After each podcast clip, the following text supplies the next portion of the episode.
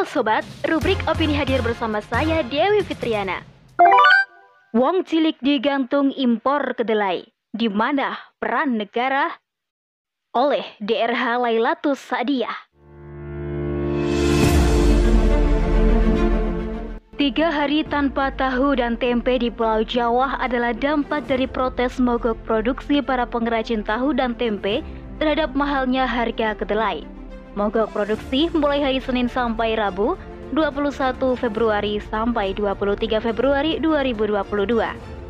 Minimnya pasokan kedelai yang beredar di tengah-tengah masyarakat ditengarai sebagai penyebab utama tingginya harga kedelai.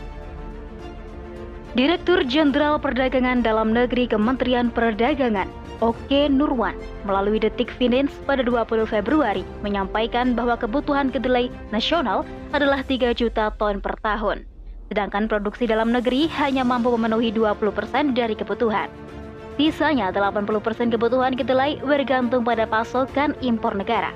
Faktanya, jika pasokan bergantung pada impor, maka harga pasaran dalam negeri akan mengikuti harga global. Akhirnya, sedikitnya stok kedelai global saat ini menjadikan harganya melonjak. Akibatnya harga kedelai di negara pengimpor akan ikut melonjak.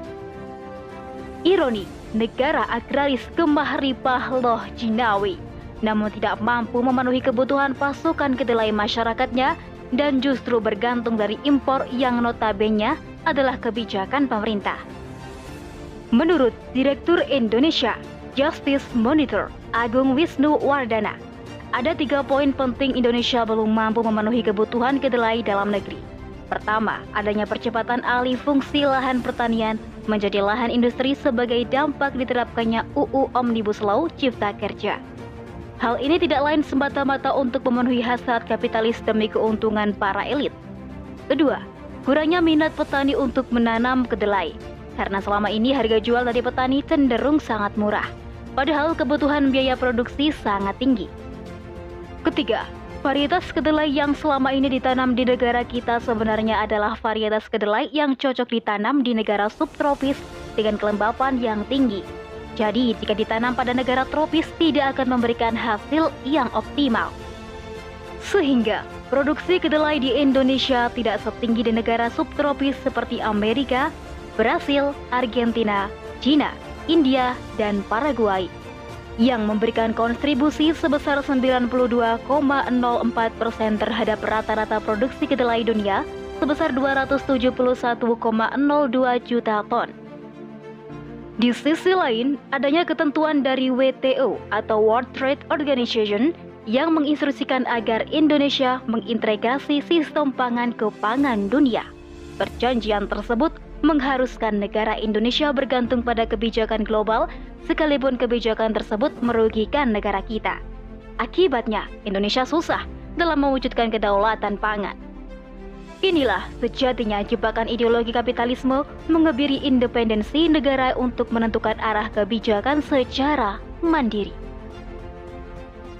Mewujudkan swasembada pangan, termasuk produksi kedelai, membutuhkan kebijakan yang mandiri dan sistematis – dan ini tidak bisa terwujud jika Indonesia masih didekte oleh kebijakan global. Ada beberapa hal yang perlu diperhatikan pemerintah, di antaranya. Pertama, dari segi kebijakan, pemerintah harus berani menekan impor dan mengoptimalkan potensi produksi petani dalam negeri. Sejatinya impor adalah perkara mubah, namun bukan merupakan jalan pintas yang selayaknya dipilih pemerintah untuk memenuhi kebutuhan masyarakat. Kedua, pemerintah wajib menyiapkan lahan pertanian, baik mengoptimalkan lahan yang sudah ada maupun membuka lahan pertanian baru jika dibutuhkan. Pemerintah wajib memiliki data yang sesuai dengan realitas sehingga nantinya bisa dijadikan penentu arah kebijakan.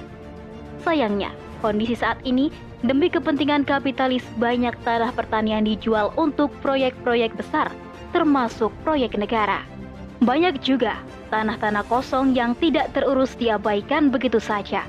Harusnya negara mampu bersikap dan menyelesaikan permasalahan ini, sebagaimana sabda Rasulullah Shallallahu Alaihi Wasallam, siapa yang mempunyai sebidang tanah hendaknya dia menanaminya atau hendaknya diberikan kepada saudaranya. Apabila dia mengabaikannya, maka hendaknya tanahnya diambil. Hadis riwayat Bukhari. Ketiga, pemerintah harus berani memfasilitasi para petani, melakukan penelitian dan riset untuk membuat bibit unggul yang cocok ditanam di negara beriklim tropis sehingga mampu memberikan hasil produksi yang optimal. Menciptakan teknologi yang mutakhir sehingga mampu membantu petani selama proses penyiapan lahan, penanaman, panen, serta pengolahan pasca panen. Dan yang lebih penting lagi, adalah menciptakan sistem irigasi yang mampu menyuplai kebutuhan air selama proses tanam. Keempat, pemerintah harus menyiapkan skema distribusi yang cepat, pendek, dan merata untuk memenuhi kebutuhan masyarakat. Memberantas adanya oknum-oknum yang tidak bertanggung jawab sehingga terjadi penimbunan terutama komoditas strategis. Sejatinya, keempat kebijakan tersebut hanyalah satu konsep belaka tanpa didukung kebijakan sistem ekonomi yang mampu mengakomodasi kebutuhan pendanaan untuk merealisasikannya. Apakah Indonesia mampu merealisasikannya? Tentu sangat mampu jika sumber daya alam yang saat ini dikelola dengan baik oleh negara. Nyatanya saat ini berbagai alasan sumber daya alam Indonesia yang notabene mampu menopang perekonomian negara justru dikuasai asing. Alhasil, rakyatlah yang diperas untuk membayar pajak guna memenuhi kebutuhan negara. Sudah menjadi kewajiban negara hadir dalam setiap pemenuhan urusan rakyat. Sebab negaralah yang bertanggung jawab atas kebutuhan pokok masyarakat, menjaga kehormatan, jiwa, serta akidah masyarakatnya. Sebagaimana sabda Rasulullah Imam atau khalifah adalah pengurus dan dia bertanggung jawab terhadap rakyat yang dia urus. Hadis riwayat Muslim dan Ahmad. Itulah konsep penerapan dalam Islam di bawah naungan Khilafah Rosidah yang pernah diterapkan selama 1300 tahun lamanya.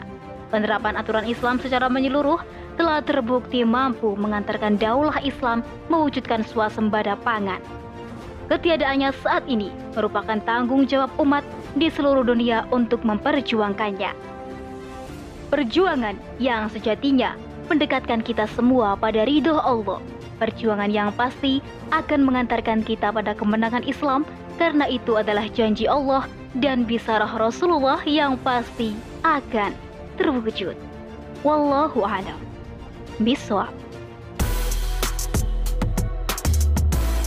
Demikian rubrik opini kali ini. Sampai jumpa di rubrik opini selanjutnya. Tentunya di podcast Narasi Pos, cerdas dalam literasi media, bijak menangkap peristiwa kunci.